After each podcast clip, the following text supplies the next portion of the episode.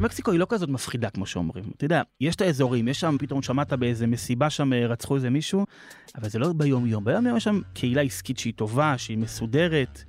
בדרך כלל הכל רץ שם כמו שצריך, רוב הזמן. היי, אני גיא ליברמן ואתם מאזינים לכסף בקיר. פודקאסט השקעות הנדל"ן של גלובס, ולמשפט הפתיחה ששמעתם קצת לפניי, אחראי איתן בירן. רק בן 32 אבל מעיד על עצמו שהוא יזם מגיל צעיר, מאוד צעיר, תכף תשמעו כמה. זה פרק לא שגרתי שלנו, אני כבר אומר, איתן הוא משקיע מסוג אחר. הוא פחות פועל על בסיס אקסלים בחקר שוק, ולעיתים לא ממש יורד לפרטי הפרטים, אלא פועל הרבה יותר מהבטן. לכן ההשקעות שלו, אולי הרבה פעמים, הן תוצאה של ניסוי וטעייה. האם הוא מוכר חלומות ואשליות, בינתיים בעיקר לעצמו? תשפטו בעצמכם, אך ללא ספק מדובר בבחור צעיר שלוקח סיכונים רבים בהשקעותיו, שהן לא רק השקעות נדל"ן, ומוכן לשלם על כך שכר לימוד גבוה, כפי שהוא מעיד על עצמו. יכול להיות שמההרפתקאותיו השונות, שחלקן הסתיימו בטוב ואחרות פחות, כולנו יכולים ללמוד משהו. לכן, במיוחד בפרק הזה, אני מציע לכם להמשיך ולהאזין עד לסופו, כולל פינת הפרשנות של אריק מירובסקי, שמסביר מה חשוב לדעת ומהן נורות האזהרה. איתן, אהלן, ברוך הבא לכסף בקיר, יאללה, עשיתי הקדמה ענקית, תן לי קצת אה, לנוח בעצמי, ספר לנו קצת על עצמך. אז אה, אני איתן, אה, אני גר באבן יהודה, עברתי לא מזמן מתל אביב הרועשת. אני נשוי לאשתי היפה והמושלמת, רותם. יש לנו ילד קטן בן שנה, חמוד לאללה. אני במקור יזם מגיל מאוד מאוד צעיר, כבר מגיל 6 יש לי כל מיני מיזמים עסקיים כאלה. מגיל 6? כן, ממש. מה המיזם העסקי הראשון מגיל 6? פתחתי קיוסק בבית ספר, ככה בלי שהמורות ידעו, מעתיק, במקום להביא ספרים, הבאתי ממתקים ומכרתי ל- לילדים. שטיפת מכוניות ברחוב, העסקתי את כל השכונה שם. רגע, תשתף אותנו במאזן, בגיל 6, וכמה הרווחת באותה שנה? מיליונים.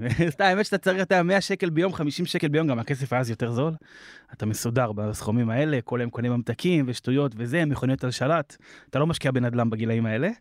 אמ, ועם השנים התפתחתי בעסקים, למדתי כל הזמן איך להיות איש עסקים יותר טוב, כי אתה יודע, נגיד אתה איש מכירות מעולה, אבל אתה לא יודע לנהל את הכספים שלך, אתה אף פעם לא תצליח.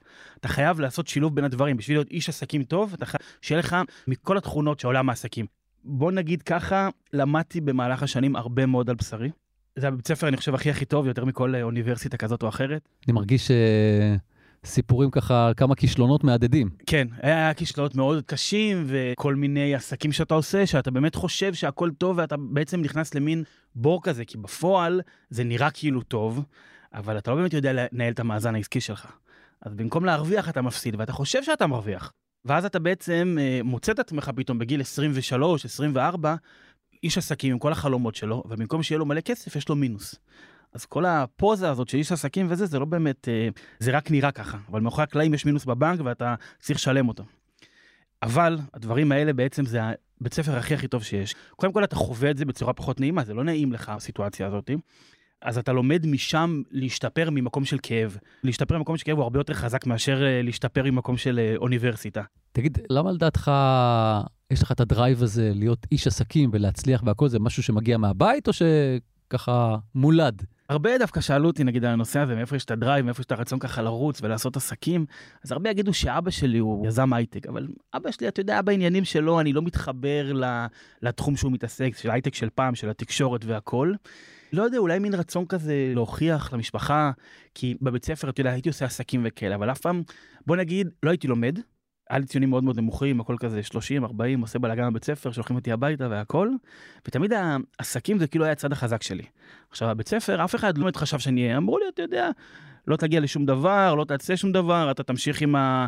אה, ממתקים, אולי לך איזה קיוסק קטן או משהו כזה, אף אחד לא מתייחס אליי ברצינות. ואולי הרצון הזה להוכיח לכולם, למורים ולאנשים שהיו בבית ספר ולהורים ולכל המשפחה, אולי יכול להיות ששם נמצא הדרייב, אבל אני חושב שאני גם מאוד נהנה מהסיפור הזה. זה כיף. כיף אה, לקום בבוקר וליצור ולעשות ולנהל ולבנות, הדברים האלה הם, הם מאוד, אה, מאוד מספקים. אז הנה, תראה את כל אלה שהסתכלו עליך אז, ציונים של 30-40, והיום אתה בכסף בקיר והם לא.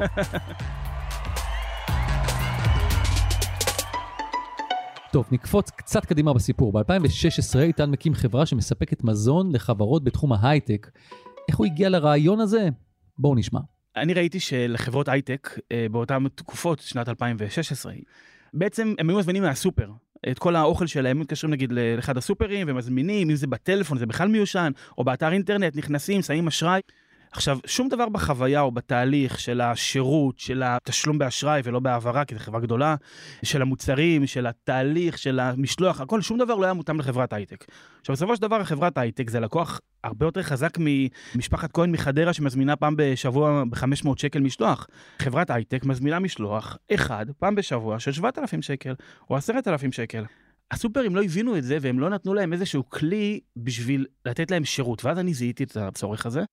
איתן מספר לי שדי מהר עוד ועוד חברות הפכו ללקוחות, בעיקר אחרי אקזיט מוצלח של אחת מהן, מה שפתח את הדלת להתקשרויות חדשות. אלא שכזכור, בתחילת 2020 הקורונה פרצה לחיינו והמשרדים ההומים התרוקנו באחת. בקורונה, וואי וואי, אתה יודע, ניסינו, ניסינו, ניסינו, אבל בסופו של דבר, אנשים לא באים, אתה יודע, אז אתה כזה מוכר פה ומוכר פה, והקורונה מאוד פגעה. הכמות סחורה שאנחנו זרקנו לפח באותה תקופה, אתה יודע, יום אחד, פתאום יום שבת, ביבי עולה להתראיין, ואומר, תקשיבו, מחר כאילו אה, יש, אה, יוצאים, אתה יודע, לסגר, נכנסים, לא עובדים. עכשיו, ההזמנות כבר מוכנות, יום שישי, פירות ירקות, לחמים, מוצרי חלב, הכל ארוז. 70-80 אלף שקל של אה, משלוחים שצריכים לצאת. פתאום אני מקבל הודעות, אחד אחרי השנייה, מחר אין משלוח, אין משלוח, אין משלוח, אין משלוח. עכשיו, זה הפסד אחד. חוץ מזה, אנחנו קונים לסחורה קדימה. בסופו של דבר אתה קונה סחורה בשביל לספק להם, אתה בא לספקי, אומר, אני רוצה שתי משטחים של קורנפלקס. כי אתה יודע שיקנו שתי משטחים בחודשיים הקרובים, אז אתה קונה כמות.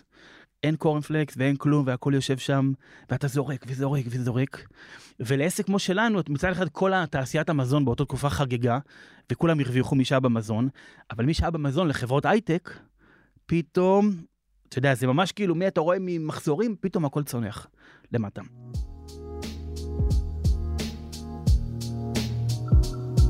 אז עסק המזון של איתן נעצר, אבל ההיכרות האינטימית שנוצרה לו עם חברות ההייטק, היא זו שהציתה אצלו את הרעיון להקים את חברת ההשמה My Next Worker, אבל זה כבר לפרק אחר, או בכלל לפודקאסט אחר. ועם כל ההתלהבות שלי מהרוח היזמית שלו, באנו בעיקר לדבר על השקעות בנדל"ן. אז הנה זה בא. תראו, למי שהאזינו לפרקים האחרונים שלנו, וגם מעורים בשינויים ובמגמות, די ברור שנכון לעת הזו, השקעות בנדל"ן בישראל הפכו למשהו מורכב יותר. זאת אומרת, אפשר לקנות דירה להשקעה בבאר שבע, בבת ים, ירושלים, קריית שמונה או בכל מקום אחר, אבל השאלה היא האם זה עדיין עושה שכל. עניין אותי הפרספקטיבה של איתן, כמו שאמרתי בהתחלה, שהוא התחכך עם כמה סוגים של השקעות, ותכף נשמע את זה, אבל בואו נחזור מעט אחורה בזמן, לפני שפרצה מגפה עולמית, וכשההכנסות של החברה של איתן ממכירת המוצרים לחברות ההייטק גדלו בצורה ניכרת. בעצם מה שקרה, שיש לך חברה שמרוויחה כסף, אז בעצם הכסף נשאר בחברה. זה בעצם כסף של חברה. עכשיו, ברגע שרציתי להשקיע אותו, כל האופציה נגיד של דירות הם פחות רלוונטיים, כי לא רציתי למשוך את הכסף בתור דיבידנד. והצטבר לי איזשהו סכום של כסף, ואמרתי, טוב, בוא נעשה עסקת נדל"ן ראשונה, יאללה, בוא נקנה מה הכסף יישב שם בבנק. ואז ראיתי משרדים, אוקיי? ראיתי משרדים בפתח תקווה, בניין, בבנייה. עכשיו ראיתי שהמשרד הזה הוא משרד חדש, הוא יושב צמוד לקניון הגדול שם, בית חולים, בונים לידו מלא מגדלים גם, ו... בונים שם רכבת קלה. תחנה של רכבת קלה ממש צמוד לשם. איזה רחוב זה? מוטה גור ממש צמוד לקניון שם הגדול. ואז הגעתי לשם, התייעצתי קצת עם אנשים, דיברתי על התחום, על כל העולם הזה, לא הכרתי אותו כך טוב. הגעתי לשם, פעם אחת ראיתי את המשרד, אמרתי אוקיי, תודה רבה, לקחתי וקניתי. קצת התווכחתי על המחיר וכאלה, קניתי, לא כך הבנתי בזה, אבל בסופו של דבר זו תקופה שיש לך כסף, אתה קונה נדל"ן, שאנשים שמוכרים זה אנשים טובים, שאפשר לסמוך עליהם, שזו עסקה יחסית טובה, וזהו, אמרתי נלך על זה. איך קוראים לפרויקט? בית זוהר בפתח תקווה. אוקיי, אז אנחנו מדברים על שנת 2019, ואתה הולך וקונה משרד בפתח תקווה. ברמת מעטפת. זה אומר שהכל שם, אתה לא, אתה יודע, אתה לא מבין בזה אפילו. אתה בא, קונה פשוט, הכל שם פתוח, חלל אפור כזה וזה, ואתה פשוט אומר, יאללה, נקנה. מה, הכסף יושב בבנק? נקנה. אני באופן כללי מאמין, אומר לך את האמת, כסף לא עושים מעבודה. לפי דעתי, כסף עושים מהשקעות.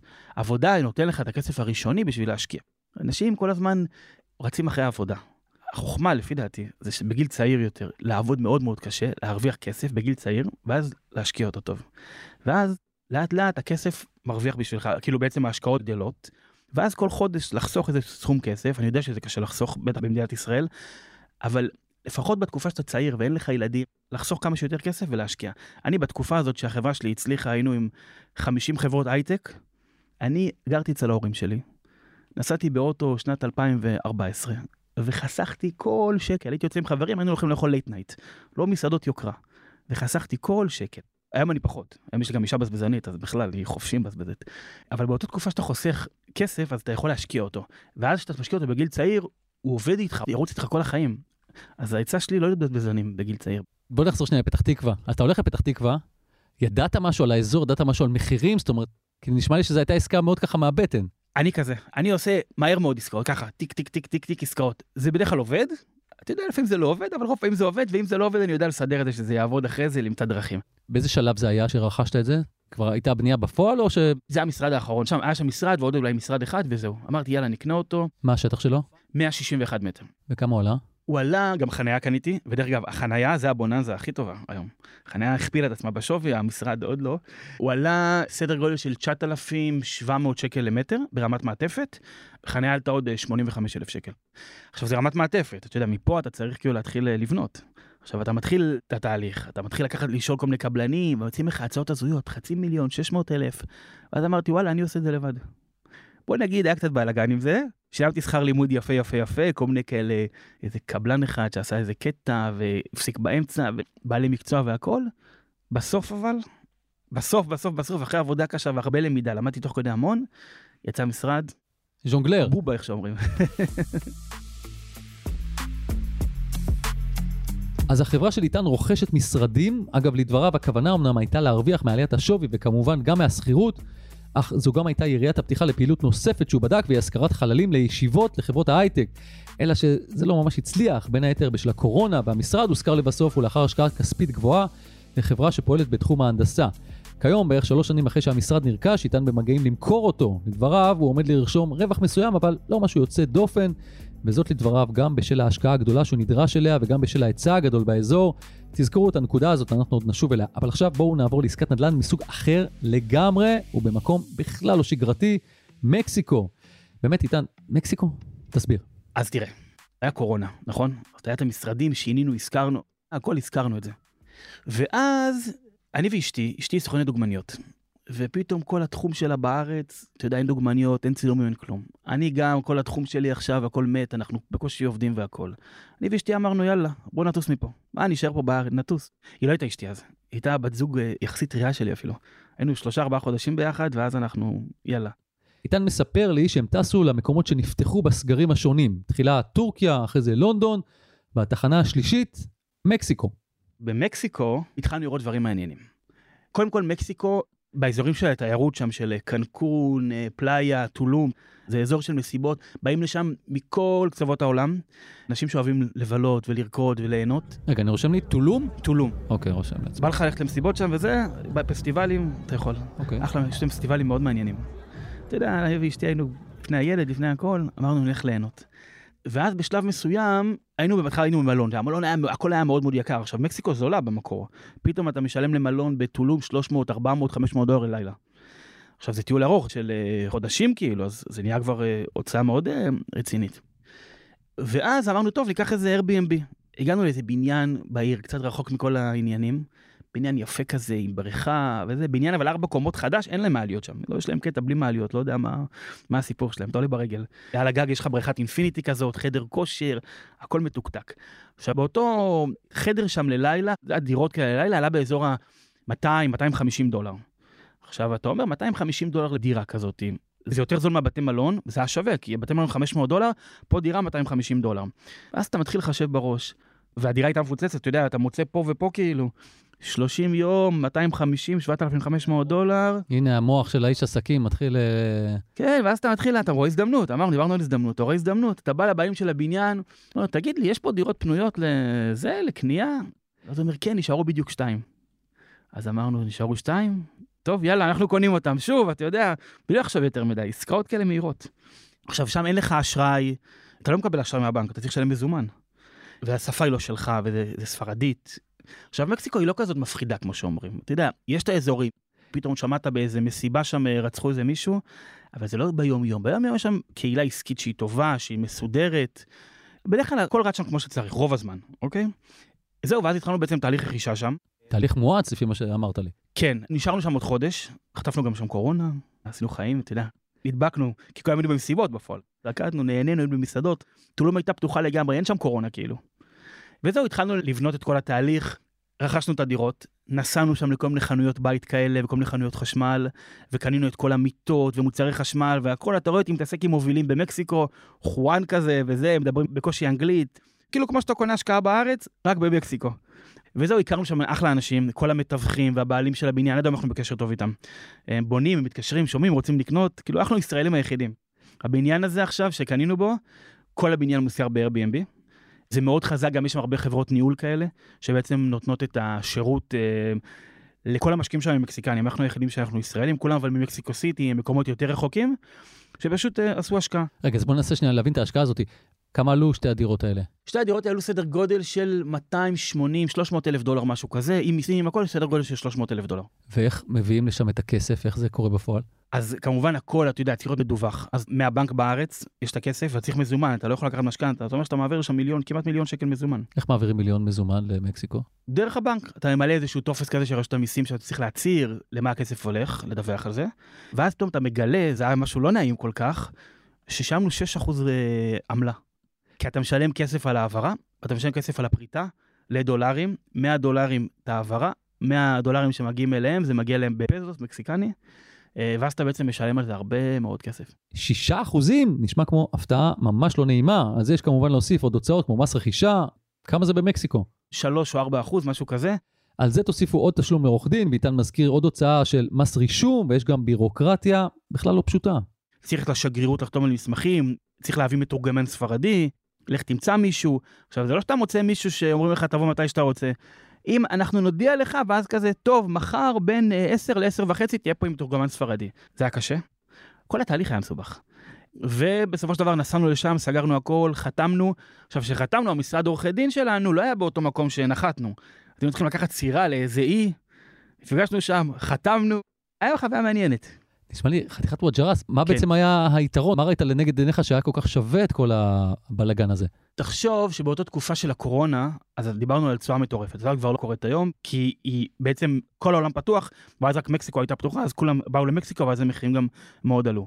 אבל תחשוב שמה שאתה רואה, אתה רואה בעצם דירה שיכולה להרוויח 7,500 דולר בחודש, נגיד יש הוצאות, נגיד שכר 4,000 דולר, משהו כזה, והיא עולה נגיד דירה אחת 150 אלף דולר. כשישבת על זה, כמה אחוזי רווח לשנה ראית? אתה פתאום רואה לפעמים דברים שמגיעים ל-25 אחוז. בפועל זה לא באמת קורה ככה.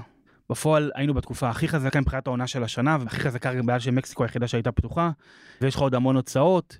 כמה שאתה רואה ורוד, תמיד תחתוך בחצי. דברים לא כאלה פשוטים כמו שהם נראים. ותגיד, מבחינת עליית אה, שווי, קיים דבר כזה? הדברים האלה לא קורים. זה לא קורה בהרבה מקומות בעולם. אתה יודע, זה אולי קצת, אחוז, שתיים, לא כמו בישראל שאתה קונה דירה ופתאום יוכל להכפיל את עצמה בתקופה תוך אה, שנתיים.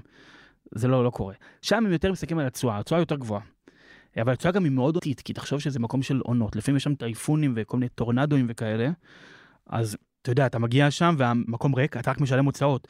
משלם חשמל, משלם טבת בית, על הבריכה, על החדר כושר, על הכל, ובעצם הכל מפסיד. היה חודשים שלמים שהיינו פשוט במינוסים. ופתאום יש לך חודש שאתה כאילו עושה תשואה מטורפת. אז זה מאוד אה, עונתי, אני מאוד בעד להסתכל על זה פר שנה, לא פר חודש, כי אז פר חודש אתה לא באמת תדע מה קורה איתך. תגיד, הדירות האלה כבר לא שלכם, מכרתם אותם, נכון? או שאתם מוכרים אותם אנחנו עכשיו? עכשיו אנחנו מוכרים אותם, כן. תגיד, למה? השתנה מאוד התנאים, נגיד עם הריבית. היום נגיד, יש כל מיני מקומות של השקעה שהיום אתה יכול להשקיע בהם. אני מבין קצת בהשקעות גם בשוק ההון. אתה יכול להשקיע ב-6%, 7, 8% במקומות בטוחים, כל מיני השקעות, אה, כל מיני קרנות מסוימות שאתה יכול להשקיע בהן. עכשיו, כשאתה מדבר על סכום שהוא מזומן, ואתה יכול להשקיע אותו פה, בלי כל הכאב ראש, בלי ה... אתה יודע, יש גם מיסוי של 15% על הנכסים, על ההשכרה. מעבר למיסוי. שם, בארץ יש לך מיסוי של 15%. ברגע שאתה מבין שהתשואות שם, בסופו של דבר אתה יכול לקבל אותן גם בבנק היום, או בכל מיני השקעות, אז אתה אומר, טוב, לא שווה לי את כל הכאב ראש. מקסיקו, סוחרים, להביא את הכסף לארץ עם האחוזים שאמרתי לך, לשלם את המיסוי, לשלם את הכול. היום התנאים הכלכליים השתנו. יש הרבה הזדמנויות, הכסף נהיה מאוד יקר. ברגע שהכסף יקר, אתה יודע, אנשים... אה, עדיף שהוא יישב לך בבנק, בוא נגיד. בוא נגיד אם הייתי עכשיו יכול למכור את כל הנדל"ן שלי עכשיו, לשים את הכל באיזה השקעה, הייתי עושה את זה. רק בשביל לסגור את הסיפור הזה, כששאלתי את איתן על השורה התחתונה, האם הוא הרוויח מהרפתקה במקסיקו או לא הרוויח. הוא הסביר לי שבגדול כן, אבל לא משהו שכנראה הצדיק את ההתעסקות, ובשורה התחתונה הוא מודה שאם היה מכשיר כזה שמחזיר את הזמן לאחור, הוא היה מוותר על כל ההשקעה במקסיקו. טוב, נמשיך. סיבה מרכזית לכך שאני מארח כאן את איתן בכלל, היא שלצד ההשקעה במשרדים ובחו"ל, הוא גם השקיע בדירה בישראל במסגרת תוכנית מחיר למשתכן. העובדה שיושב מולי אדם שהתחכך עם סוגים כל כך שונים של השקעות, די מעניינת אותי, ובעיקר לאיזה מסקנות הוא מגיע. בואו נמשיך. אני חושב שצריך לפזר השקעות כמה שיותר. שאם משהו אחד אפילו ייפול, לא יעלה, לא משהו יקרה, דברים אחרים כן ירוויחו. בסופו של דבר, מה שראיתי באופן חד משמעי, זה שעסקאות נדל"ן של דירות, הן לא מתקרבות בצורות שלהן. בישראל עד היום, מהיום והלאה, אני חושב שזה לא יהיה אותו דבר. אבל עסקאות נדל"ן היו של דירות הרבה הרבה יותר טובות, הרבה יותר אה, רווחיות. אנחנו קנינו במחיר למשתכן, אני ואשתי, רצינו לקנות דירה. עכשיו, אתה יודע, זה היה מחיר למשת... זה היה משתכן צעיר, זה היה זוגות צעירים, עמדנו בתנאים. אמרתי לאשתי, טוב, חייבים לתפוס את זה. עכשיו, לא עניין אותי איפה אני קונה בכלל. לא עניין אותי, אני קונה ב... כל עוד אני קונה בעיר אה, מסודרת. אתה יודע, אנשים שיחסית יש להם כסף שלם, לא בהכרח מקומות יקרים, אבל משהו, אתה יודע, פתח תקווה, חדרה, נהריה. אה, כי לא התכוונת לגור שם. נכון. אז איתן ואשתו רותם זכו בדירת מחיר למשתכן בנהריה, ולא משהו סטנדרטי, אלא דירת גן. בואו נשמע. דירת אה, גן עם גינה של 170 מטר ודירה של 130 מטר. רציתי לקחת את העסקה הכי יקרה שם. לא בגלל שאני חושב שזו עסקה שתעזור לי, היא מתאימה לי, פשוט אני חושב שזו עסקה טובה. אתה בעצם מקבל כסף מהמדינה. אתה זוג צעיר, הדירה הראשונה שאתה קונה, למגורים, זה, זה מה שהם נותנים לך. ואז קנינו דירת גן באמת, שעלתה לנו 1425, מטורף. תחשוב, דירה של 125 מטר בנוי ועוד 170 מטר גינה, מטורף. היא תהיה מוכנה עכשיו עוד uh, שלושה חודשים. תגיד, מאיפה הכסף? היה לנו כסף מהחתונה שקיבלנו uh, מכל הסבתות וזה, פינקו אותנו, שילמנו מקדמה, וזהו. ואז uh, במאי תהיה מוכנה, והיום הדירה הזאת שווה באזור ה-2.6, משהו כזה, 2.5 מיליון. אז עסקה מעולה, אתה לא יכול למכור אותה שבע שנים. לא, זה פחות, אתה יכול למכור אותה עכשיו חמש שנים. גם לא נראה בכלל למכור אותה, נזכיר אותה. אולי בסוף נעבור לנהריה, נגור שם. ישמחו שם. תגיד, אני רוצה לשאול אותך, יכולים להאזין לנו ולהגיד, וואו, מי זה הבן אדם הזה? כאילו, כיסים שלא נגמרים, אתה רוכש במקסיקו, אתה רוכש עם החברה, המשרד שם, רוכש בנהריה. זאת אומרת, מאיפה כל המימון לכל הדבר הזה? באמת, המשרדים שקיינו בפתח תקווה, באמת זה הגיע מהחברה שהרוויחה כסף, ואתה בעצם uh, מרוויח וחוסך, חוסך, חוסך, אתה יודע. בתפעול של העסקים, אני נהגתי תמיד לחסוך, אם זה ברמה של המתחרים שהתחילו לצוץ, קנו מכוניות חדשות ב-200-300 אלף שקל, ולקחו uh, מחסנים באמצע תל אביב, מאוד מאוד יוקרתיים, והכל הכל חדש וזה. אני קניתי מכוניות ב-15 אלף שקל, בדקתי טוב שהן עובדות, ולקחתי מחסנים ביישובים כאלה קטנים, לקחנו ברמות השבים, איזה אנגר כזה, ששילמתי עליו 3,000 שקל. המתחרה שלי אני יודע לשלם 17 או 18 אלף שקל. עם החיסכון האדיר, וגם על עצמי באופן אישי, ומה שהרווחתי מאוד חסכתי, חייתי בצורה מאוד מצומצמת במשך הרבה מאוד שנים. כמה כסף שהרווחתי חייתי מצומצם, בשביל לחסוך כמה שיותר כסף. כי אמרתי, אני מאמין שתחסוך בגיל צעיר כמה שיותר כסף, ואז תבוא, תשקיע את הכל. ואז ברגע שאתה חוסך הרבה, גם בחברה וגם בחיים האישיים, אתה מתחיל לצבור הון, ואז אתה בעצם משקיע אותו. גם אשתי באה עם סכום כסף, ואז בעצם השילוב של הסכום ביחד של הכספים, אותו בעצם שמנו והשקענו במקסיקו.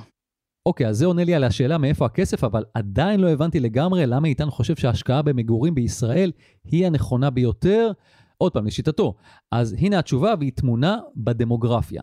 בעצם האוכלוסייה פה כל הזמן עולה, כל הזמן כאילו האוכלוסייה פה גדלה, גדלה ב-2% לשנה, משהו כזה, נגיד בארצות הברית נדע שהיא גדלה ב-0.7, פה היא גדלה ב-2% לשנה, אז כל הזמן יש ביקוש וביקוש וביקוש. השטחים פה אומרים שהם נגמרים, אבל זה מה שיקרה. אומרים שהאוכלוסייה פה תכפיל את עצמה בתוך uh, כמה עשרות שנים. אנשים צריכים לגור איפשהו. אז זה הקטע, ישראלים רוצים שיהיה להם דירה משלהם, זה נותן להם איזה הרגשת יציבות, ביטחון כזה. אז זו התשובה של איתן, אני חייב להגיד שבאופן אישי הוא פחות הטייפקאסט השגרתי של משקיעי נדל"ן שהכרנו לאורך השנים בפודקאסט. כמו ששמעתם, חלק מההשקעות נעשו יחסית מהר, שזה אומר פחות לצלול לנתונים. מצד שני, זו דעתו של מישהו שבאמת התחכך עם כמה סוגים של השקעות בשנים האחרונות. טוב, לפני שאנחנו סוגרים מיקרופונים ובשל ההיכרות הטובה של איתן עם תחום ההייטק, ביקשתי לשמוע את התחזית שלו, לאן הולך הקטר של המשק בתקופה הקרובה. הפיטורים בהייטק, לפי דעתי, עשו טוב לשאר השוק, כי בעצם ההייטק דחף המון המון, אתה יודע, הוא הכניס המון אנשים לעולם ההייטק והוא העלה מאוד את המחירים והכל, ואז זה קצת פגע בחברות היותר קטנות. בחברות שרצו לגייס עובדים, אבל נגיד חברה של ברי מים, אוקיי? שהיא צריכה מתכנתים בשביל הברי מים שלה. היא פתאום לא יכולה להשיג מתכנתים, כי כולם לקחו אותם להייטק. זה עוד הרבה יותר כללי מאשר מה שאני אומר, אבל באותה תקופה שאנחנו אה, סיפקנו מזון למשרדים, אז היה חגיגה. אפי האורים, ואתה יודע, אנשים היו מזמינים רק את הסודה של הפריה, שעולה 200 שקל לארגז, זה 8 שקל לבקבוק, ורק מגנומים, וכל היום חגיגה ואוכל. אני זוכר לפעמים היו כועסים עליי, היה לנו מכונת גלידה בכל מיני חברות. אז היו צועקים, למה אין פיסטוק לייט? למה יש רק פיסטוק רגיל במכונת גלידה? זה היה כאילו מצחיק, מה ש... החגיגה שלך ומה שקרה שם. אבל בסופו של דבר, היום כל החגיגה נרגעת. רואים את זה גם בעניין של אספקת מזון למשרדים, הם הרבה פחות חוגגים, פתאום מתחילים לחסוך, ואולי כן נלך לרמי לוי, אולי לא נעבוד בתחום של האספקה, אולי נעבוד עם חברות יותר זולות, אין מכונת גלידה יותר ואין פסטרמות כל היום, מורידים, מורידים, מורידים. אני מאמין ש-2023 הולכים להיכנס למשבר כלכלי. אה, לא, יהיה לא נעים, אתה יודע, יהיה פה, לא יהיה צמיחה לפי דעתי, כמה רבעונים. אולי בישראל כן תהיה צמיחה, אבל בעולם לא תהיה צמיחה. וב-2024 אנחנו הולכים לחגוג. אני אישית, עכשיו שאני מוכר אה, נדל"ן, חושב לשמור את הכסף בשביל עוד מעט שכל השוק ירד, להיכנס חזק לשוק, לשוק ההון, להיכנס חזק, להשקיע. לפי דעתי, מי שיהיה לו כסף עוד שנה מהיום, עוד חצי שנה, שהכל יקרוס, יעשה הרבה כסף. איתן, אני מאוד מודה לך שבאת להתארח אצלנו. תודה רבה. היה נחמד, ושמרו כסף למשבר, יהיה השקעות מעניינות. טוב, תודה רבה לאיתן, אבל אנחנו לא הולכים לשום מקום לפני שאנחנו שומעים את אריק מירובסקי, פרשן הנדל"ן הבכיר של גלובס. אהלן אריק. שלום וברכה גיא. תשמע, אנחנו שוב פעם אה, חוזרים לנושא הזה של אה, שינויים בענף ההשקעות, בטח פה בישראל. בפעם האחרונה שזה קרה, הרבה מאוד ישראלים מצאו את עצמם בחו"ל, והרבה כסף עבר לשם. האם אתה חושב שגם עכשיו, זה שאנחנו רואים פה הצטמצמות במספר המשקיעים בישראל, זה אומר שכסף יעזוב את המדינה ויעבור למדינות אחרות? כן, ללא ספק. אה, בוא אני אתן לך קצת אה, מושג במה מדובר. אם ב-2015, לפני שהוא עלה מס הרכישה למשקיעים בפעם הראשונה, נרכשו 2,500 דירות בחודש לצורך השקעה, ב-2016, אחרי שהמס עלה, המספר ירד ל-1900. כשאנחנו מדברים על היום, שהמס הוא גם גבוה וגם יש לנו ריבית גבוהה, אז מספר הדירות שנרכשות להשקעה בישראל מגיע לסדר גודל של 1,400 בחודש. זאת אומרת, יש פה אה, ירידה גדולה מאוד בכמות הדירות, ואני מניח שחלק אה, מהכספים שלא מושקעים בנדל"ן בישראל זולגים החוצה. תגיד, אז אם זה המצב, ולמעשה אנחנו כבר למדנו את זה, אפשר להגיד, בעשר שנים האחרונות, אני שמתי לב אה, שגם צצו כל מיני חברות שפתאום הציעו כל מיני דילים כאלה בכל מיני מדינות. אנחנו מכירים את אה, יוון, את קפריסין, גרמניה, ובכל אחת מהם גם שמענו על סיפורים די מטרידים. אז מה אפשר להציע או, או להמליץ לאותם אנשים שעכשיו ייקחו את הכסף ויגידו, אוקיי, נדל"ן זה, זה מה שאני רוצה, אבל בחו"ל. דיברנו על זה גם לא מעט בפודקאסט, אבל מה כן אפשר לעשות ממש עכשיו? כרגיל אני מציע בראש ובראשונה להיזהר, כי כמו שראינו גם בנדל"ן בישראל אתה יכול ליפול, על אחת כמה וכמה בשווקים שאתה לא מכיר, שאתה לא דובר את שפתם, החוק שלהם שונה, הרגולציה, הנורמות, הכל שונה ממה שאתה מורגל בישראל, לפתע מציעים לך דירות במחירים שבסטנדרטים ישראלים נשמעים לך מאוד אה, מצחיקים, בין אם זה בפורטוגל או ביוון וגם בארצות הברית, אנחנו ראינו את זה. הסיסמה הקבועה שלנו בנושא הזה הוא שאין מציאות. אם המחיר הוא נמוך, כנראה שהנכס לא שווה הרבה. עכשיו השאלה למה?